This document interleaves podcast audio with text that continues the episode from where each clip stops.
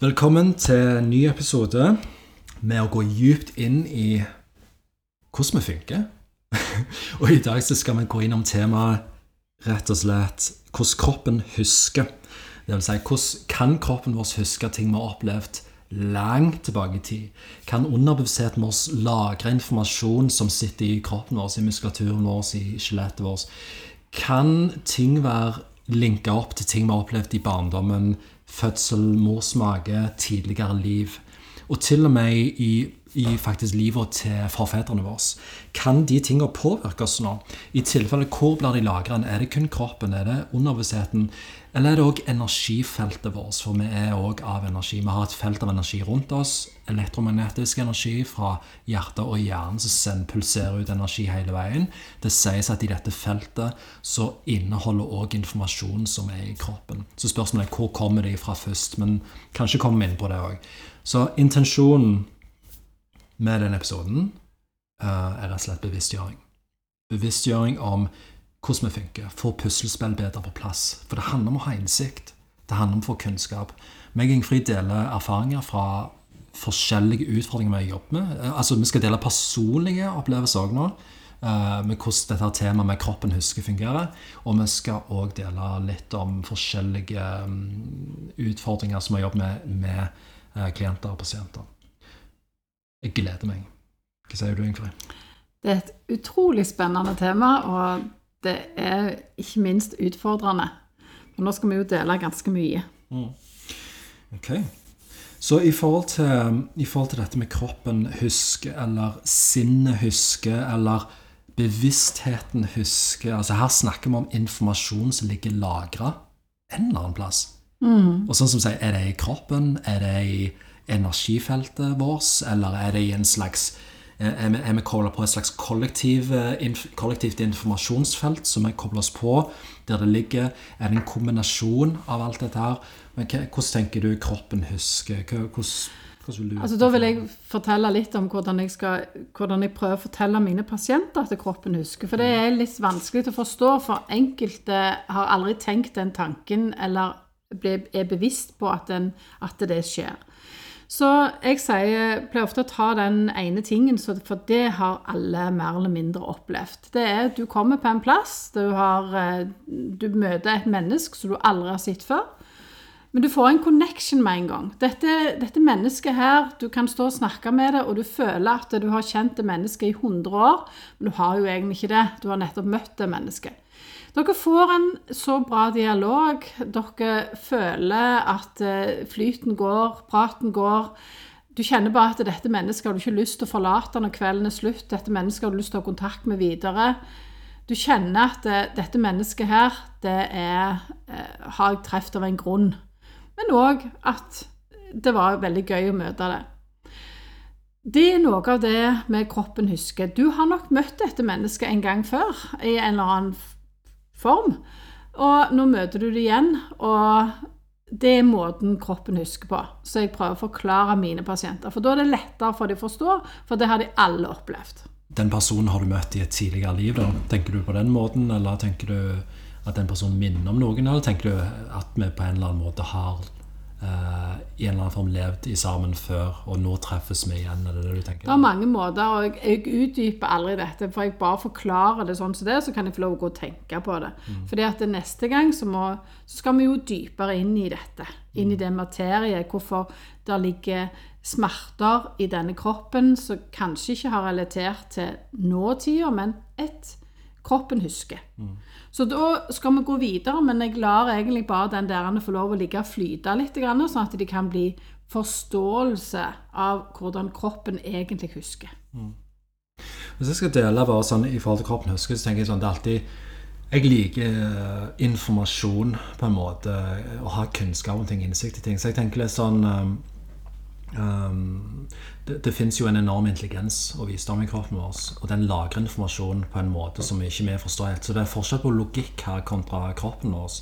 Så selv, logikken vår som gjerne sier f.eks. La oss si det er snakk om en uh, La oss si at du har en uh, At det er snakk om en angst, f.eks., og så henger den angsten 100% av gangene jeg jobber med folk, så henger den angsten i samme traume fra fortida. Og når jeg sier traume, så mener jeg intense emosjonelle opplevelser opplevelser som har påvirka deg emosjonelt. Kanskje små hendelser over tid, eller noen veldig intense ting som, eh, som på en måte lager en, en stor traume. Når du, kroppen lager den informasjonen, selv om det har skjedd for 30 år siden, 50 år siden, i, når, du var, når, du ble født, eller når du var i mors mage, eller faktisk var i til og med fra tidligere liv. Så kroppen husker opplevelser på den måten, men òg fordi underbevisstheten vår det er den delen som lagrer informasjon. Den delen husker hvert millisekund av alt vi har opplevd, uavhengig av om vi husker bevisst eller ikke. Hvis vi hadde huska alt som vi har opplevd, hvert sekund av alt vi har opplevd, hvordan skulle vi få tid til å gjort, levd et vanlig liv? Vi hadde ikke klart det, vi hadde vært overbelasta med informasjon.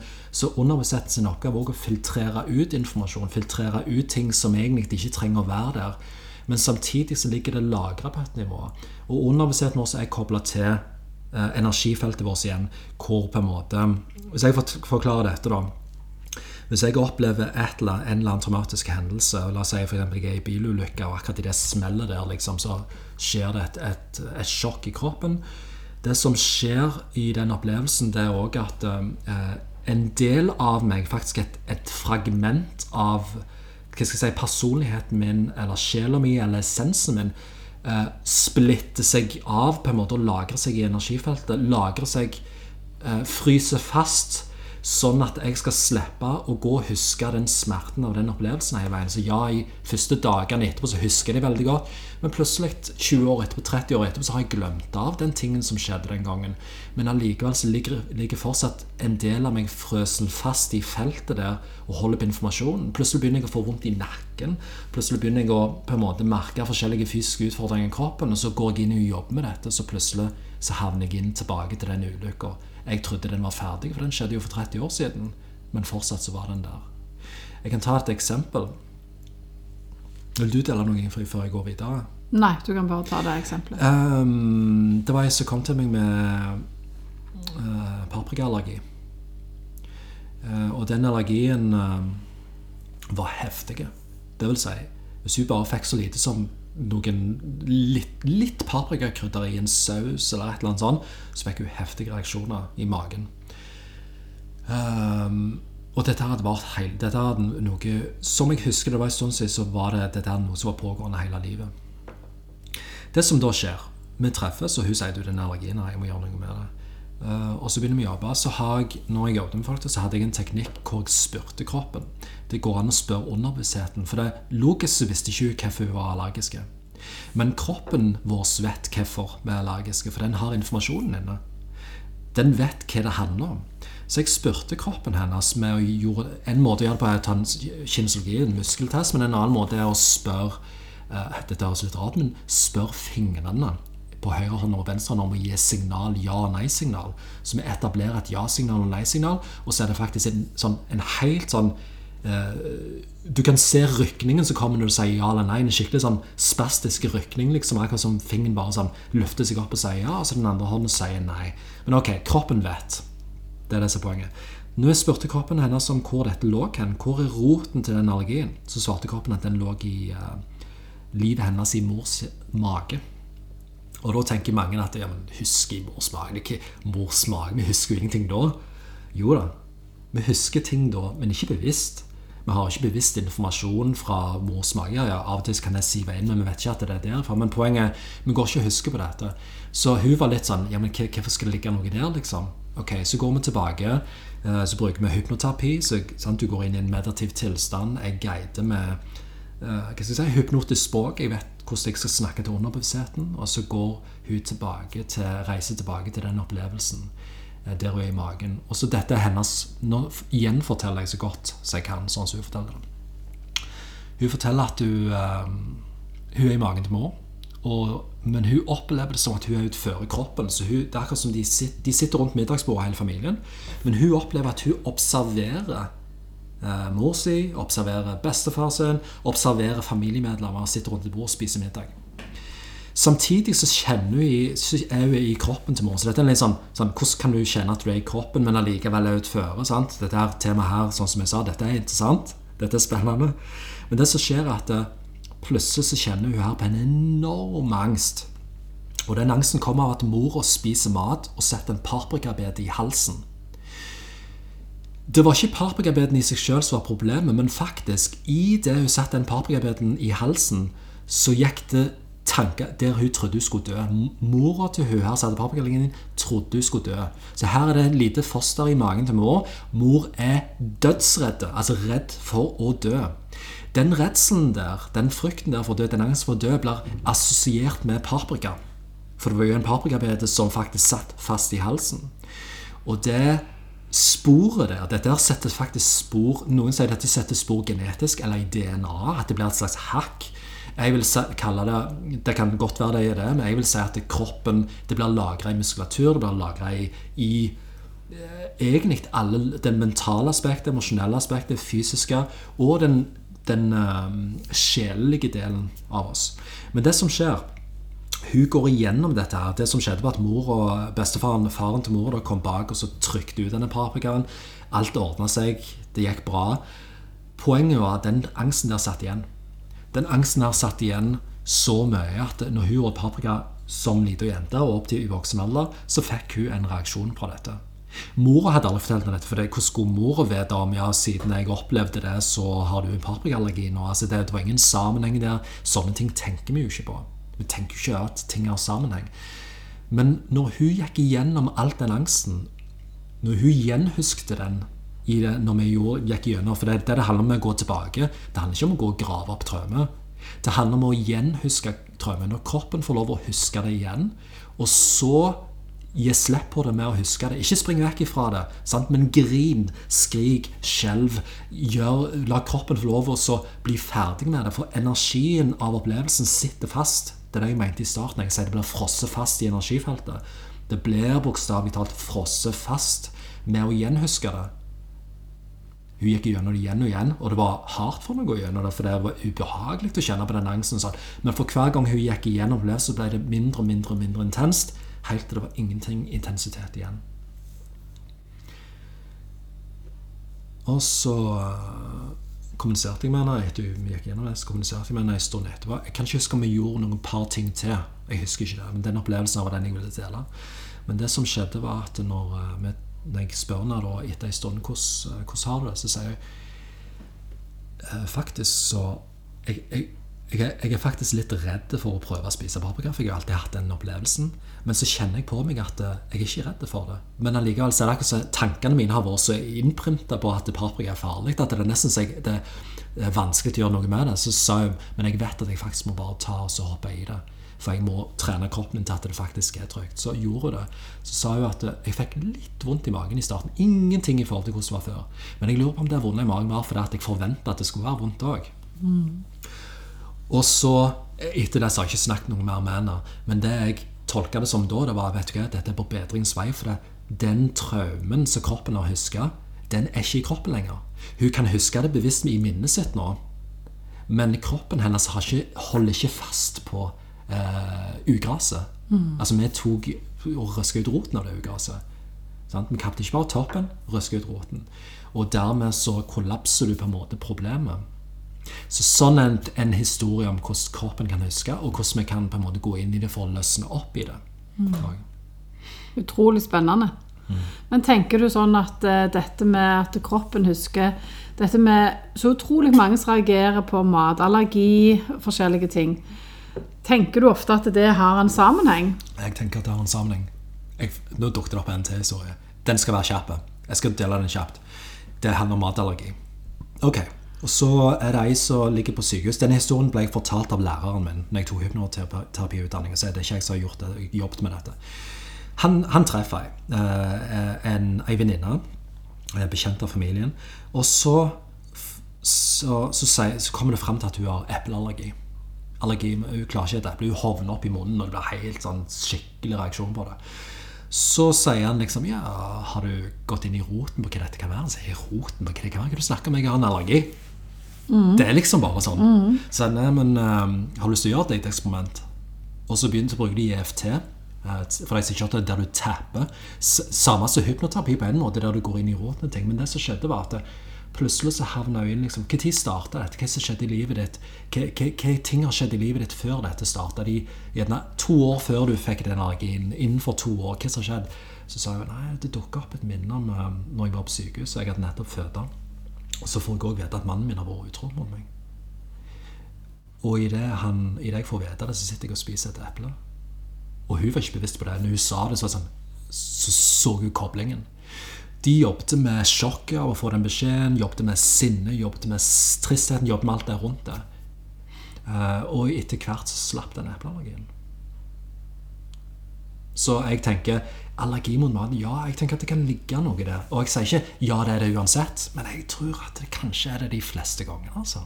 For det har blitt mye allergi. Det har blitt ekstrem allergi. Det kan ha sammenheng med flere ting her, for vi må ta inn i bildet at vi lever kanskje et liv der mye påvirker oss, og så snakker om allergi spesifikt. sant? Vi har, um, om vi ikke tenker på dette, så er vi, er vi på f.eks. telefonen mye mer nå. Sant? Vi har iPadene, vi har uh, kanskje jeg vet ikke, Det er mye maten vi spiser, kanskje matinntaket og måten om vi er i aktivitet eller, Det er ufattelig mange ting som spiller inn her. Men jeg, jeg har en feeling av at uh, matallergi henger ofte sammen òg med uh, forskjellige intense emosjonelle episoder vi har hatt, som kan ha lagra seg i kroppen. Jeg tenker det. Det er iallfall definitivt. Men det at kroppen òg husker, eh, det kan òg sette seg både i rygg, i skuldre, i pust. Det med å få pusten ned til magen. Hvordan kan kroppen huske at det skal jeg ikke gjøre? Det er òg et spennende tema. For veldig veldig mange så eh, puster de bare med toppdelen av brystet. De klarer ikke å få pusten ned til magen. De klarer ikke å få en jevn pust. Og eh, noen av de har jo tross alt vært både eh, yogalærere, og der skal du få pusten ned, men umulig å få ned. Klarer ikke å meditere og få pusten ned. De har gjort masse, men eh, de kommer ikke ned. Pusten sitter liksom fast. Ok, Har du noen eksempler på det? Ja, jeg eh, møtte ei skjønn dame så eh, Hun eh, levde av å være yogalærer og hadde et, et stort problem, og det var jo det med hennes egen pust. Uh, hun hadde jobbet enormt mye med for å få pusten ned, men det var helt umulig. Og eh, det viser seg at det handler om et tidligere liv der det var en tau som som var bundet rundt brystet hennes, akkurat over diafragma, som fortsatt sto igjen. Og der måtte en inn i å løse det, og gå tilbake igjen til det, og løse den traumen som satt rundt der. Det høres så, liksom så enkelt ut. Det høres så, så Var det bare så enkelt? Nei, det er en himla jobb. Det er mye arbeid med det. Men det å gå inn i bevisstgjøringen. Hvordan kunne hun vite at det var der egentlig det var? Og da bruker jeg mye av det samme som Kenneth har snakket om her hele veien, med hvordan vi løser opp i ting. Men ja, kroppen kan faktisk huske, og vi kan ikke alltid vite hvorfor det er akkurat det er årsaken. Men det som er viktigst, er at eh, du får det bedre, uansett om det er sånn eller sånn. Eh, det du sa der om at Når vi snakker om disse tingene, så merker jeg at folk blir veldig logiske. Liksom, ja, men jeg, jeg må huske det, og hvordan husker jeg det? hvordan husker jeg det? Som oftest opplever jeg at folk husker ikke Nei. hva ting dreier seg om. Eh, Hvis, hvis, det ikke, hvis det har skjedd i barndommen, eller for hvordan skal du vite hva som henger sammen med hva? Sant? Det er helt hvordan- umulig. Det er det. Du kan ikke vite hva opplevelse, men det er der det kommer på poenget. Den måten vi jobber på med folk på, gjør at de tingene kommer opp naturlig fra kroppen sin egen hukommelse og intelligens. Så det er egentlig det her det er snakk om. Her utnytter vi oss ikke av logikken. Det jeg pleier, jeg å si når jeg jobber med folk, det bare vet du hva, Logikken min og logikken din, det kan bare parkere her. For det, det er kroppen din som vet dette. Så du må forholde, Og jeg stoler mye mer på kroppen din enn hva logikken min og din sier. Sant? Så vi forholder oss til hva kroppen din sier, og så går vi med det som dukker opp. For sant? Når folk går da inn i ting, sant? sånn som hun der som havnet inn med det tauet i et tidligere liv For det første, Hvordan visste du det var tidligere liv? og hvordan visste du at det, hvordan, hvordan havnet hun inn der? Bare dukket du opp? Det var jo kroppen hennes som gikk inn i det. Når jeg åpna opp for at hun kunne få lov å gå inn i det, tok vekk de sperrene, så er logikken er, for logikken er sperre. Ja, det. Og når du tar vekk den, da kan du gå inn i det. Ja, Da er jo frykten plutselig òg borte. Måtte du kjenne på følelsen av det? Ja, hun kjente jo tauet sto fast. Ja. Og det er jo klart at hun skjønte ikke hva det der var i begynnelsen, så, jeg, så gikk vi jo bare dypere og dypere dypere inn i det. Og til slutten så var det det å ta det. Ta og løse det opp. Og det var som at hun sa 'jeg ble fri'. Det var sånn at jeg hadde lyst til å egentlig gå på ut og bare rope 'jeg er satt fri'. Jeg kan plutselig puste. Ok, Hun sier jeg har lyst til å rope jeg er satt fri. Sannsynligvis så var det en eller annen form for å være fanga i det tidligere livet. Og en, kanskje en eller annen form for tortur. Grunnen til at jeg nevner det, er fordi vi har La oss underholde ideen om at tidligere liv er tilfellet. I min verden så, er det ikke noe tvil. Vi er mye mer enn bare denne her fysiske kroppen her som, er, som sjelen vår har eh, tatt plass i, som vi lever igjennom. Eh, Det, det finnes, eh, Vi har nok gått igjen, og her er det snakk om eh, kanskje hundrevis og tusenvis av tidligere liv. Så spørsmålet er hvor mye informasjon går vi egentlig med? Det er jo også et spørsmål. Ikke, dette er ikke et tidligere liv eh, podcast, sånn sett, men kanskje vi skulle gått innom og hatt det spesifikt det òg. Men det viser seg både når jeg innenfor eh, har jobbet med folk, at eh, traumer fra tidligere liv dukker opp. Og så kan vi også kalle ja, det en metafor for problemet. Samme det, det, de får hjelp uansett. altså Det løser opp i det. Så, men i forhold til meg så for, forholder jeg meg til det at det er tidligere liv som kropp, kroppen faktisk husker. Um, I forhold til å i forhold til å, å gi slipp på, um, på det kroppen husker. Hva, hva er din måte å gå fram på det? Hva gjør du? Er det, sånn som jeg sa, jeg, jeg, eh, jeg guider den jeg jobber med, til å være i kroppen din. La kroppen din huske den følelsen der, sånn at den får gi slipp. For som ofte så, når vi har opplevd noe vondt, så er det en naturlig reaksjon, automatisk reaksjon, å ville dempe smerten, springe vekk ifra den, rømme ifra det, ikke kjenne på det i det hele tatt. Sant? Enkelt og greit fordi vi vil ikke ha smerte. Så det er naturlig så vil vi vekk ifra det. Problemet med det, problemet er å ikke la deg sjøl grine når du virkelig kjenner på den frustrasjonen eller uh, dype sorgen eller hva det skulle være. Eh, Problemet med å stoppe Sånn som jeg, jeg holdt på å krasje med bilen min da det var is. Det var noen år siden dette. Så begynner bilen min å shine ut på andre kjørebaner. Det kom en bil imot. Jeg visste at nå kommer jeg enten til å havne i grøfta i de trærne der, eller så kommer jeg til å havne i front med den bilen. Plutselig så tok bilen min tak igjen, og så, og så var jeg på veien igjen. Når jeg stoppet bilen, da, det måtte jeg gjøre, så skalv føttene mine så intenst. Men jeg prøvde å stoppe det. Jeg visste ikke om dette da. Men da prøvde jeg å stoppe skjelvinga. Men den skjelvinga var min naturlige reaksjon. Kroppen min sin intelligens som sier skjelv dette ut av systemet ditt. Rist av deg sjokket. Dyr i naturen gjør dette. Når de eh, opplever en traume, de, opplever, de lagrer det ikke sånn som mennesker. De rister det av seg. Ett minutt, to minutter, så spasmer de. Altså det er skikkelig, skikkelig risting. Og så er de ferdige. Men vi å ta slutt og grin. Sant? Stopp igjen en skjelving. Ikke vis på en måte følelser her. Mange lærer det, og så holder vi alt inne. Og så tror vi ja, nå er det så lenge siden, nå, nå er jeg ferdig med det. Er du sikker på det? For de problemene du har nå, kan veldig godt henge sammen med veldig mye av det som du holder inne. Som regel så gjør det det. Jeg kan jo dele litt av eh, et problem som jeg har eh, Det er fortsatt mitt kne, eh, men det kneet var veldig trøblete i veldig mange, mange år. Eh, Jeg kunne springe 50-60 meter, eh, og da var kneet fint, men sprang jeg 100 meter, så ble det pinnstivt. Eh, Det var ikke mulig å knekke det, det, det sto som en påle. Jeg syns dette var altså så teit. Små unger hadde jeg, de sprang jo rundt overalt, og jeg skulle springe etter dem. Jeg syns ikke det var noe gøy i det hele tatt. Jeg var ung, gikk til lege, ble sendt til røntgen, ble sendt overalt. Kneet var egentlig helt fint, det var helt i orden, det var ingenting galt i kneet. Jeg skjønte jo det, jeg òg. Men det var ikke mulig å springe.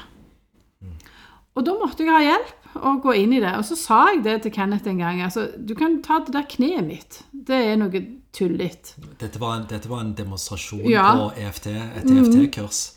Ja. Ja, og jeg sa ta bare det der kneet mitt. Og så gjorde han det. Og det som viser seg da, det var det at eh, som sagt, jeg er født og oppvokst på gard.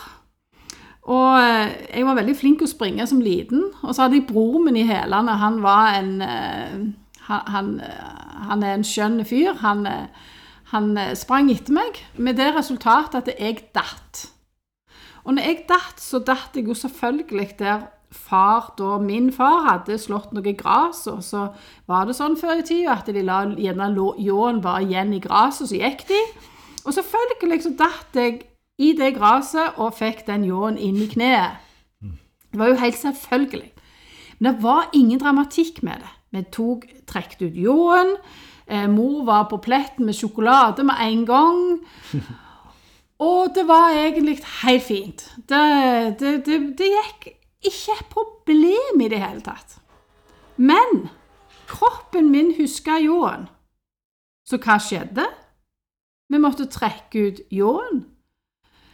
Kenneth hjalp meg med det. Og jeg kan springe den dag i dag, så kan jeg springe uten smerte i kne. Jeg husker når vi jobbet med det der. Så, så må, måten da Måten ljåen blir trukket ut på Dette skjer jo med at du gjennomhusker opplevelsen. Ja. For det er selv om det, Jeg husker godt, og vi lo jo, og det var så mye latter, og du holdt på å le deg i hæl gjennom dette. Og, så, men, men selv om det var alvorlig, men det som var greia, at det, som lita jente så var det ikke et problem, egentlig. For deg. Nei. Jo, jo, jo, selvfølgelig, selvfølgelig var det nok vondt, og alt det der, men når du gikk gjennom det først, så husker jeg at det, nei, det er jo ikke noe spesielt her. Men mens vi på en måte gjorde de teknikkene vi gjorde, for her bruker vi jo terapeutiske verktøy, sant? Eh, imens du på en måte går inn i kjernen på ting, så begynte plutselig å komme opp litt følelser her og der, og det var mer der enn hva du husker. Som voksen så husker du jo ikke at det var det, men når de følelsene fikk komme opp og sånn og for din del så ble de òg løst opp i latter. Altså Måten du ga slipp på, det var at du holdt på å le deg i. Du fortalte om ting. Og alle på, i rommet holdt, lo. Sant? Så det, var, det, var en, det var en utrolig fin opplevelse av å gi slipp på noe på. For som regel så tenker vi på at det, det skal være hardt, og det skal være fælt, og vi griner, og vi sånn, skjelver eller rykker til, og alt det, men her var det liksom latter og alt det der. Men det viser seg at ja, det var noen forskjellige ting i det minnet der som ikke var så greit allikevel. Som voksen så husker ikke du det på den måten, men når vi fikk jobbe med det, djupt med det, sånn som vi gjorde, og du ble guidet gjennom det, så kom vi inn på en måte i, i de aspekter som, som var der, var litt intense. Og når du ga slipp på de for dette var jo å gi slipp på følelsesmessige messige delen av det minnet. Når du ikke har slipp på det følelsesmessige delen av det minnet, og på en måte på en, på en måte vil jeg si, på et energinivå trekk du ut ljåen òg. Ikke bare at du gjorde det fysisk som liten jente, men på et energinivå så trekte du ut ljåen med å gi slipp på følelsene, så låste det minnet fast. For det minnet var låst fast i systemet. ditt. Med å jobbe med det sånn som vi gjorde, så løste det seg opp. Og da trakk du ut ljåen, faktisk. Skikkelig. Eh, Og dermed så har Og mor kom jo med sjokolade, sant? Det er en årsak til at jeg egentlig ikke er så glad i sjokolade. Mm, det kunne skjedd omvendt for mange. Yes. Der det er assosiert sjokolade man blir tatt vare på. Ja. Sånn, og det er det som faktisk er en utfordring for mange som er veldig glad i sjokolade. Også. de assosierer det med kos og med trøst og med oppmerksomhet. Ja. Ok, men godt poeng. Du, så du har fått litt avsmak for sjokolade pga. Jeg er det? ikke så veldig For meg er ikke sjokolade en kos. Og det har òg med at eh, i det gamle huset som vi da bodde på, så, så hadde vi ei sinnssykt bratt trapp. Og så hadde jeg så vanvittig lyst på rusjebane. Kunne ikke forstå hvorfor jeg ikke kunne få rusjebane. Og så han, han skjønne broren min, da. Han, 'Jeg kan lage rusjebane. Vi kan lage rusjebane ned trappa.' Og det var ei trapp som bare gikk én vei. Det gikk bare rett ned. Det var ikke noe sving engang. Og så sier han sånn Vi tar bare en sånn sengehest, sånn, sånn, sånn som hadde, som ikke skulle ramle ut av sengene. Sånn en eh, plate, selvfølgelig. Og så setter du deg på den, og så rusher du ned. Og jeg så gjorde. Hva tror du skjedde? Plata stoppet etter med en gang. Mens jeg, jeg datt jo med hodet ned i bunnen av den trappa. Han sto jo oppe og holdt på å lese seg i hjel, for han syntes jo dette var skamløye syn. Jeg lå der nede og hadde vanvittig vondt, men mor kom med sjokolade. Så, så, så, så her, men gode, gode måter få den. Men for mor di sin del så Ja. var det jo hennes måte å vise kjærlighet på. Ja, Sjokolade. Og sannsynligvis har hun lært det av mor si eller noen andre ja, ja. på Norge. Og det er ingen dramatikk med at jeg ramla ned den trappa. Jeg ser jo på det som en fantastisk løgn historie, som Ja, ja. gjorde vi før i tida. Ja. Men, men jeg er ikke så veldig glad i den sjokoladen. Da kan jeg ta en sjokoladehistorie. Ja. Kroppen husker sjokoladehistorie. Uh, jeg husker det var ei som kom til meg. Så når, når, jeg, når vi deler historier for folk vi jobber med, så vil jeg bare si at er med full respekt for de vi, vi deler. og sånn, Vi deler jo aldri navn, og vi sier jo ikke hvem dette er. og sånn og sånn. Vi bare deler på en måte at det, det er noe vi har jobbet med. Eh, denne personen kommer der, og så eh, ville jobbe med søtsug. Det var et ekstremt søtsug. Ekstremt sjokoladesug. Det hun sa hele veien, var liksom, Jeg sier ja, men hva, hva jeg, Og jeg er nysgjerrig, sant? for jeg er detektiv. Når jeg, når jeg jobbet med folk på den måten, så var det å være, gjøre detektivarbeid sånn, hva, hva som ligger under her? Jeg er ikke interessert i det på overflaten. Jeg er det, og det er jeg som regel ikke med noen ting. Jeg vil vite hva som ligger i, inn i kjernen. Og så liksom sier hun hele veien sånn Ja, men tenk hvis jeg plutselig bare dør? Og så sa hun det hele veien. Hun sa det en gang, så jeg ikke la, jeg la ikke merke til det. Men så hele veien vi snakket om ting, så, så «Hva- hvorfor sier du Tenk hvis jeg dør? Går du rundt og tenker at jeg må ete mest mulig i tilfelle jeg dør snart? så sa jeg ja. Jeg gjør faktisk det. Det går ikke an. Så gjør, gjør faktisk det. Så, så, så ok, så begynner vi å jobbe. Så begynner vi med, Da husker jeg vi brukte tapping med EFT, sånn at vi på en måte vi jobber med energipunkter i kroppen som holder fast på informasjon og faktisk intensitet, emosjonell intensitet, og tankemønster rundt ting. En, eh, og så går vi inn i det, så stiller jeg noen spørsmål for å komme inn i roten. Og så spør, ok, Disse spørsmålene jeg spør, de er, de er designa for å pakke opp. Så hvis jeg, hvis jeg uansett Hadde jeg truffet en mann i gata, så hadde hatt en utfordring og jeg spurt den personen disse spørsmålene, så hadde den personen havna inn i forskjellige rotårsaker til det problemet den personen har. Så disse spørsmålene de er heftige fordi de, de kommer inn i kjernen. Men det som skjer da, at hun havner tilbake. Hun kjenner på denne følelsen. Det er en følelse i brystet. Redd for å dø, men òg søtsuget hennes. Og, og, redd, og den tanken 'tenk hvis jeg dør snart', den, den var akkurat like. Hun klarte ikke å kjenne forskjell på søtsug og 'tenk hvis jeg dør', så hun, hun bare spiste. Men det hun sa, at det kjennes ut som en tristhet. Egentlig er jeg ikke redd, egentlig er jeg veldig trist. Jeg vet ikke hvorfor jeg er trist. Jeg har ikke noe å være trist for. Og, og det søtsuget kjennes ut som den tristheten. Og, og dette er typisk. Søtsug er ikke et søtsug. Søtsug er som regel tristhet, sinne, angst, et eller annet sånn. Og så spiser vi for å dempe det. Mens, mens unnskyldningen er at det er så godt, og vi overtaler oss sjøl til at mm, mm, nå skal jeg kose meg. Men egentlig er det for å dempe noen følelser som vi ikke vil ta tak i. Det som skjedde, var at hun gikk tilbake til et minne. Hun sitter med, på kjøkkenbordet med farfaren sin. Og hun får tvist. Hun får alltid tvist når hun er der. Og de sitter der og storkoser seg. De ler, um, snakker sammen og spiser sjokolade. Dagen etterpå så dør han. Helt uventa. Det sjokket der eh, gjorde at skal, selvfølgelig ble hun skikkelig trist. Selvfølgelig gikk det inn på henne. Hun hadde, hun hadde et tett bånd med farfaren. Men den sorgen, det som skjedde, var at når hun åt sjokolade, så ble hun på en eller annen måte påminnet om eh, kjærlighetsbåndet mellom hun og farfar, hvor tett de var sammen. Eh, Hun ble påminnet om de gode tidene der. Men det var òg en måte å dempe sorgen for å ha mistet han på.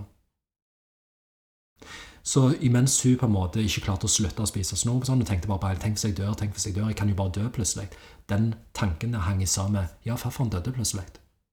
Fra femårsalderen fram til hun var 40 og noe, så satt det mønsteret der bare fast.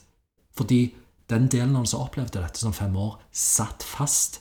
Det er det jeg sier. det blir, Se for deg at en del av oss, en del av bevisstheten må splitte seg, og bare på en måte gjemme seg vekk i sånne traumeøyeblikk, eller sånne sjokkopplevelser, eller intense emosjonelle opplevelser generelt, så ligger det bare lagra i kroppen. Men hun tenkte ikke over den sammenhengen.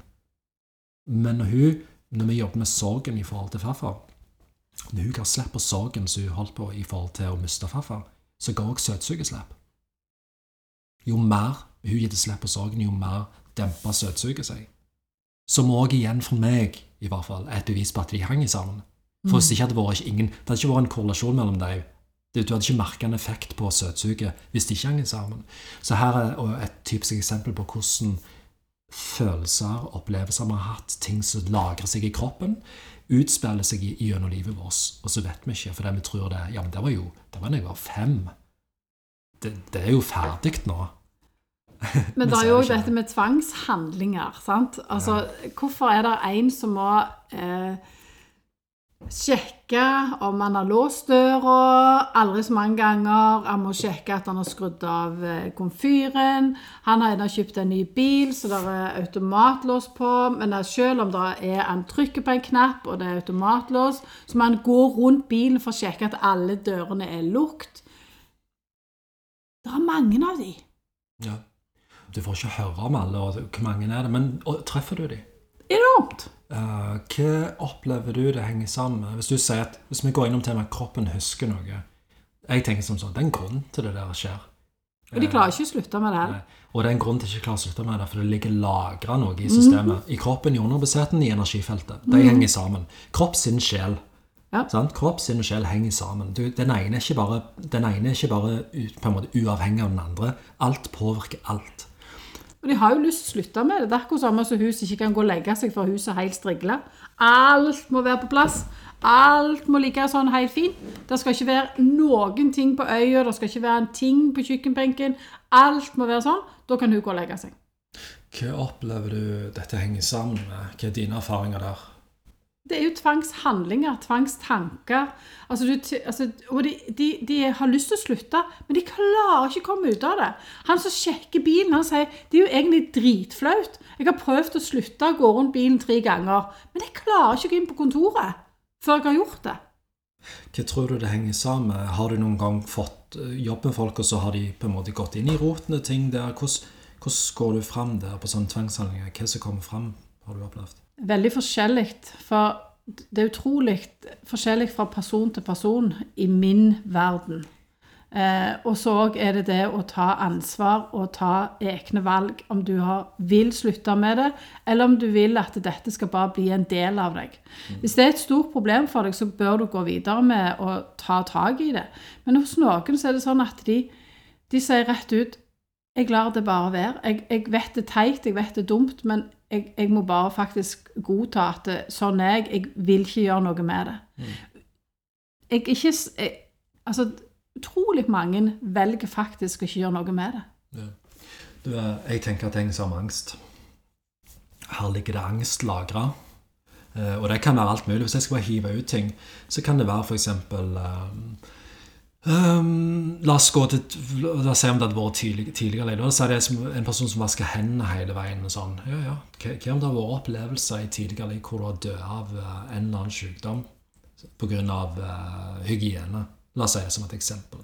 Uh, la oss si at det ligger sånne opplevelser i systemet. Men jeg, jeg tenker også at du trenger ikke ha sammenheng med opplevelser som eh, relaterer til handlingen. Jeg tror av og til òg at eh, hvis vi har en tank, en stresstank, når den blir full, så er det angst i systemet. Og så er det bare noen som har så mye stress og så mye opplevelser som de holder inne i kroppen. Sinne som de ikke får uttrykt og får ut. Tristhet som de ikke har bearbeida. Eh, frykt for forskjellige ting som de egentlig ikke gjør noe med. Alt blir bare holdt inne, holdt inne, holdt inne. Så tror jeg bare til slutt så renner det over, og så blir det til en sånn eh, i en, Kommer det ut i en eller annen form som kan være en smerte i kroppen, eller panikkangst, eller faktisk sånn som du sier, at du blir Hva er dette? OCD? Eh, der du får tvangshandlinger.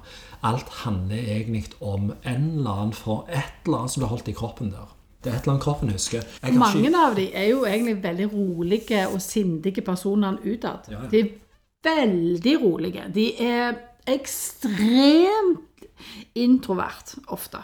Mm. Men de har noen syke tvangshandlinger. Du, Og så kommer det ofte ikke fram med en gang. Det, det, det er ikke det de kommer for. Aldri.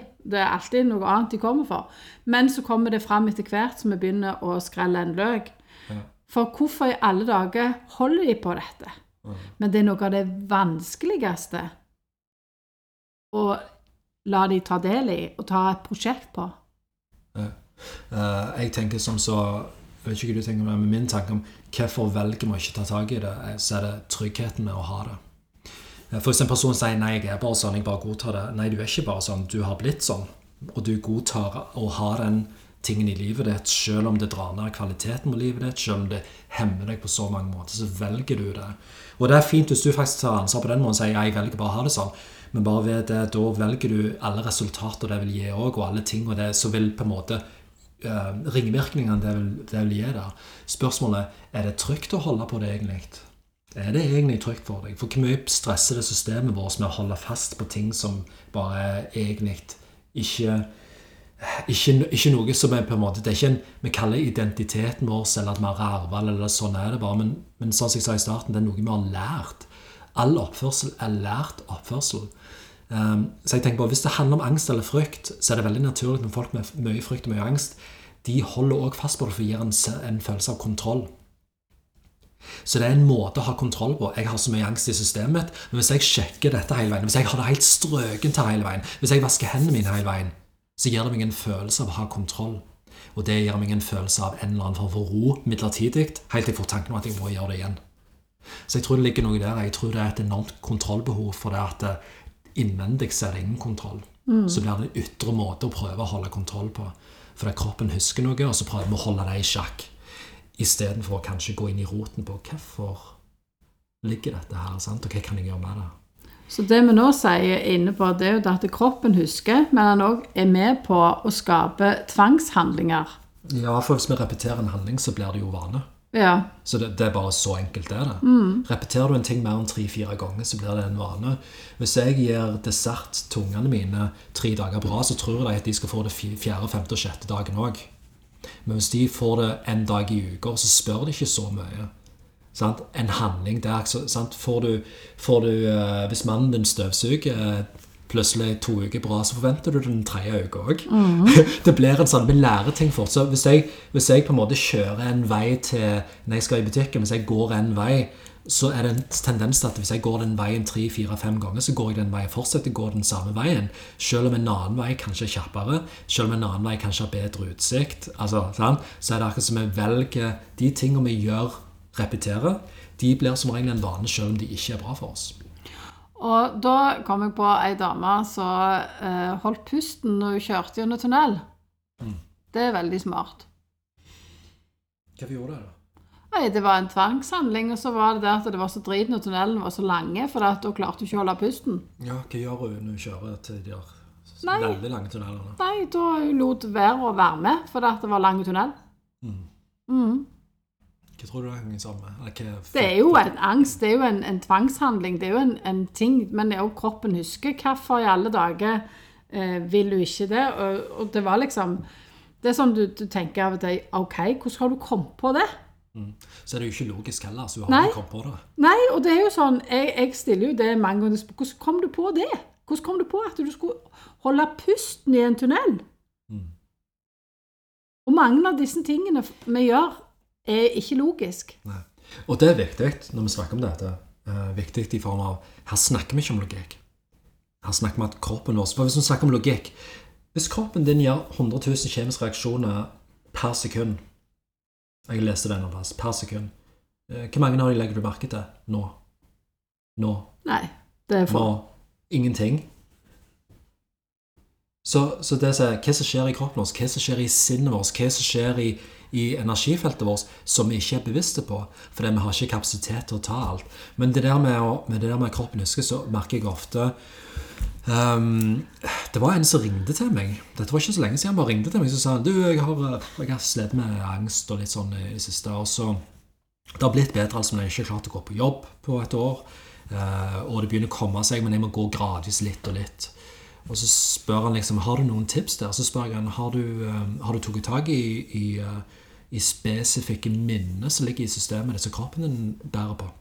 Så nei, nei, nei, nei. Jeg har jo jeg har gått til psykolog, og det er ikke noe, det ligger ikke noe. Jeg har hatt en fin barndom. Jeg har sånn og sånn og sånn. Uh, og så gikk jeg inn og sa selv om du ikke husker noe Min opplevelse med å jobbe med angst 100 av gangene er at det ligger lagra i kroppen din. Det ligger lagra i, i dette livet. Det kan være voksenlivet, ungdomstida, barndommen, fødsel, mors mage, tidligere liv. Det ligger lagra et eller annet siden den angsten ikke går vekk. så ligger det noen lagret. Og i veldig bra at du tar tak, tar ansvar og gjør det som trengs på en måte fra ditt perspektiv. Nå deler jeg hva jeg tenker, for du spør. Men han nekta. Han vil ikke ha noe Nei, nei, nei, det er ikke noe, henger ikke, nei, nei.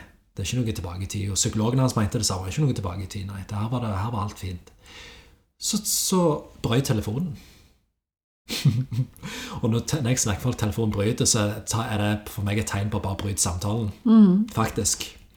Eh, ikke på en stygg måte heller, men det var bare sånn, det er det tegnet, det er det jeg tar det for. Så, så jeg, men jeg ringte han opp igjen, og så sa jeg bare at eh, hvis det, det er mitt tips, liksom, at du finner noen å jobbe med til å ta tak i det. Eh, men fortsatt så var det en veldig eh, sånn fornektelse der på at det er det. Og det respekterer jeg jo.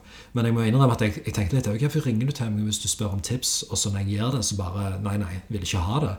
Sånn? Så han, den personen her, hvis ikke han gjør det, så kommer han sannsynligvis til å leve med angst lenge. Mm.